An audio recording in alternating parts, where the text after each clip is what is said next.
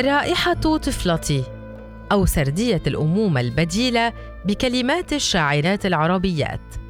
سنابل قنو. تندرج هذه المادة ضمن ملف أسرار الروائح الشرقية.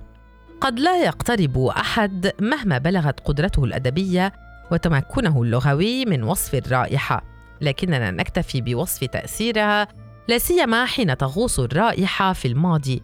وتصبح وسيلة للتذكر والحنين وربما للحزن والحسرة إلا أن للأطفال رائحة خاصة يعتقد البعض أنها متشابهة وربما تكون كذلك خاصة إن وصفت ممن لم يخوضوا تجربة الأمومة ورحلة التعرف إلى رائحة جسد جديد ولد للتو.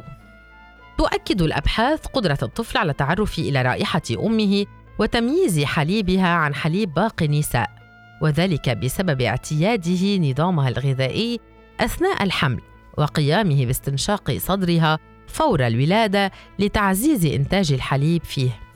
وفي المقابل يقول الطبيب جوهانس فراسنيلي في دراسته الخاصة بالروائح إن الإشارات الكيماوية في حاسة الشم التي تشكل أداة التواصل بين الأم وطفلها قوية جدا لذا فإن رائحة حديثي الولادة تنشط دائرة المكافآت العصبية لدى الأمهات تقول الشاعرة والطبيبة الأردنية تمارا كيلا لرصيف 22 تضاعفت قدرة الشم لدي لأكون أما أفضل قادرة على حماية طفلها من أي خطر محتمل. ولتكون حبلا سريا آخر غير ملموس يربطني بقطعة اللحم التي تابعت عملية إخراجها من رحمي ثانية بثانية تحت التخدير النصفي. فقد شعرت بكل المراحل لكن دون ألم وما إن وضعوا ابنتي على صدري حتى تنفست هواء الحياة الثقيل الدبق اللاذع وسرت القشعريرة في جسدي كله. وتتابع. لا يمكن لأم أن تنكر إدمانها على رائحة أطفالها رغم أن الرائحة تتغير مع الوقت ويخف تركيزها كلما كبروا وانجرفوا بالحياة أكثر بعيدا عنها.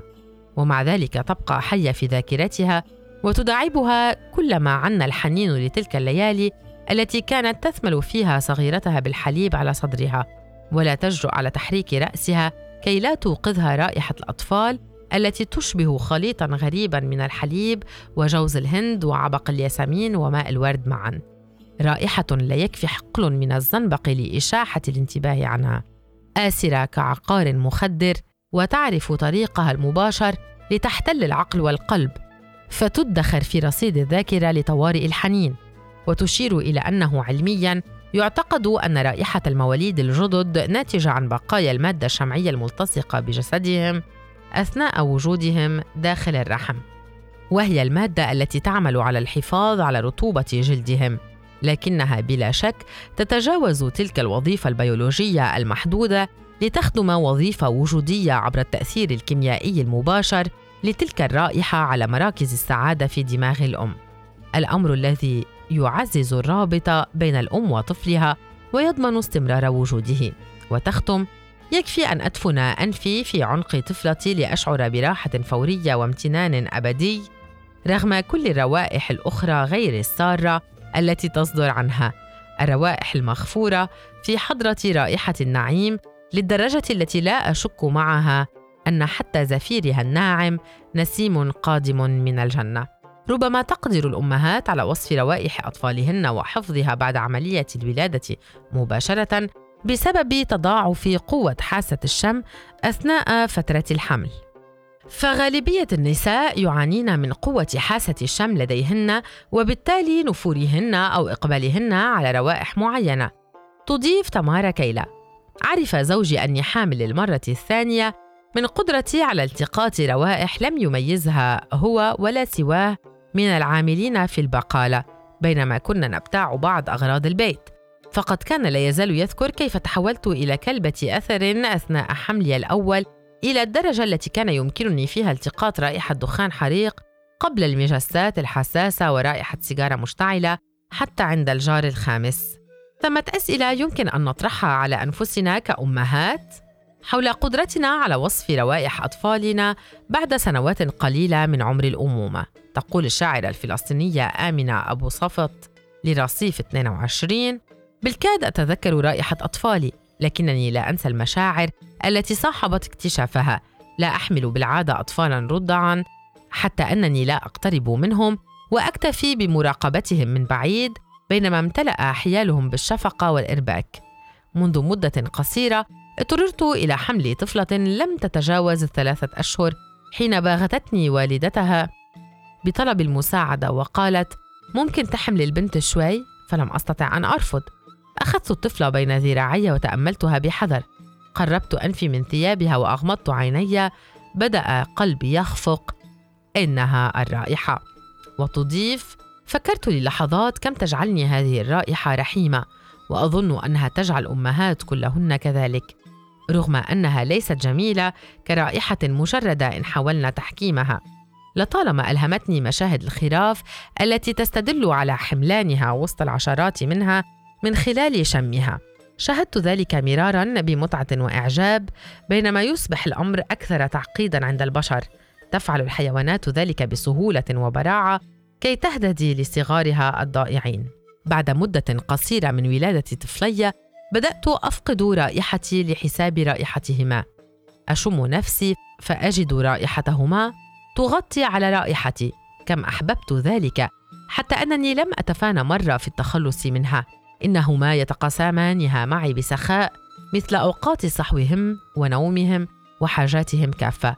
وأظنها طريقتهما المخلصة بعد أشهر من الالتصاق في قول الحب. مشكلة الرائحة أنها حية للغاية. يمكن للصوت والصورة أن يصبحا ماضيا لكن الرائحة تظل نشطة مهما مضت وما إن تشمها حتى تبدأ بايلامك فبقدر ما تربطني الرائحة في تعاملاتي مع الأفراد والأشياء بقدر ما تقلقني سطوتها في اعماقي كيف لا وتلك رائحة أطفالي التي بها أعيد ترتيب الحواس. الارتباك والخوف والشعور بالخطر جميعها مشاعر يمكن لذاكرة الروائح استعادتها بسهولة خاصة أن فترة الأمومة المبكرة هي خليط عجيب لمشاعر متناقضة يصر المجتمع على تنحيتها مقابل الغزل المفرط بروائح الأطفال الذكية متناسيا أن الرائحة الجميلة لا تنبعث من أجسادهم بل من العطور التي نرشها على ثيابهم. ماذا عن الأمومة الطويلة؟ هل يمكن للنساء تذكر روائح أطفالهن بعد عقود من الزمن؟ وهل تظل الرائحة وسيلة حنين بين الأم وأبنائها؟ تقول الشاعرة السورية رشا عمران لرصيف 22 عندما أتوا بابنتي إلي لأرضعها نظرت إليها وتساءلت من هذه؟ لكن ما إن انتهت من الرضاعة وبقيت آثار حليبي عليها حتى أيقنت أن هذه الطفلة هي ابنتي اختلطت رائحة جسدي المتعب برائحة فمها المتلهف للحياة هل ثمة رائحة خاصة بكل طفل لا تنساها أمه؟ لا أظن هذا ما يحدث هو أن الخيال يدخل إلى الذاكرة ويتواطأ معها على اختراع ما نسميه رائحة أطفالنا كي لا نخرج عن سردية الأمومة. تلك الرائحة هي مزيج من روائح كل شيء. جسدي أنا وجسدها الغض والهش ورائحة السرير ورائحة الشامبو الذي كنت أستخدمه لها ورائحة معطر الملابس في الغسالة الآلية ورائحة طعامها وفضلاتها وقيئها. رائحة تذكرني أنه ذات يوم خرجت من رحم طفلة جميلة صغيرة كان لديها حيز حياة ينفصل عني حالما أنتهي من أرضاعها. أما رائحتها اليوم ككائن مستقل فهي التي صنعتها. رائحة الآخرين بمن فيهم أبناؤنا نتخيلها كلما أحسسنا بشوق لهم. يدهشني من يحتفظون بملابس أطفالهم ويشمونها مؤكدين أنها تحتفظ برائحتهم. لا ينتبهون أنهم في قلب اللعبة التي يلعبها الخيال والذاكرة معا. لم يمر على تجربة الأمومة خاصة كثيرا من الوقت لكنني أستطيع وصف رائحة ابنتي كأني ولدتها للتو. كانت رائحة جلدها تشبه رائحة الصباح أو تشبه رائحة اللون الأزرق الفاتح. فقد تنفست رقبتها ورأسها وعلقت تلك الرائحة في ذاكرتي مدة جيدة من الزمن. مع الوقت بدأت تتلاشى لتحل روائح أخرى مكانها بعضها عطر والآخر سيء. فأنا أميز رائحة مرض ابنتي ورائحة برازها ورائحة اتساخها وربما هذا يفيد بأني أكثر حساسية تجاه الروائح المزعجة. لكنني حتى اللحظة أستخدم رائحتها لتحسين نفسيتي.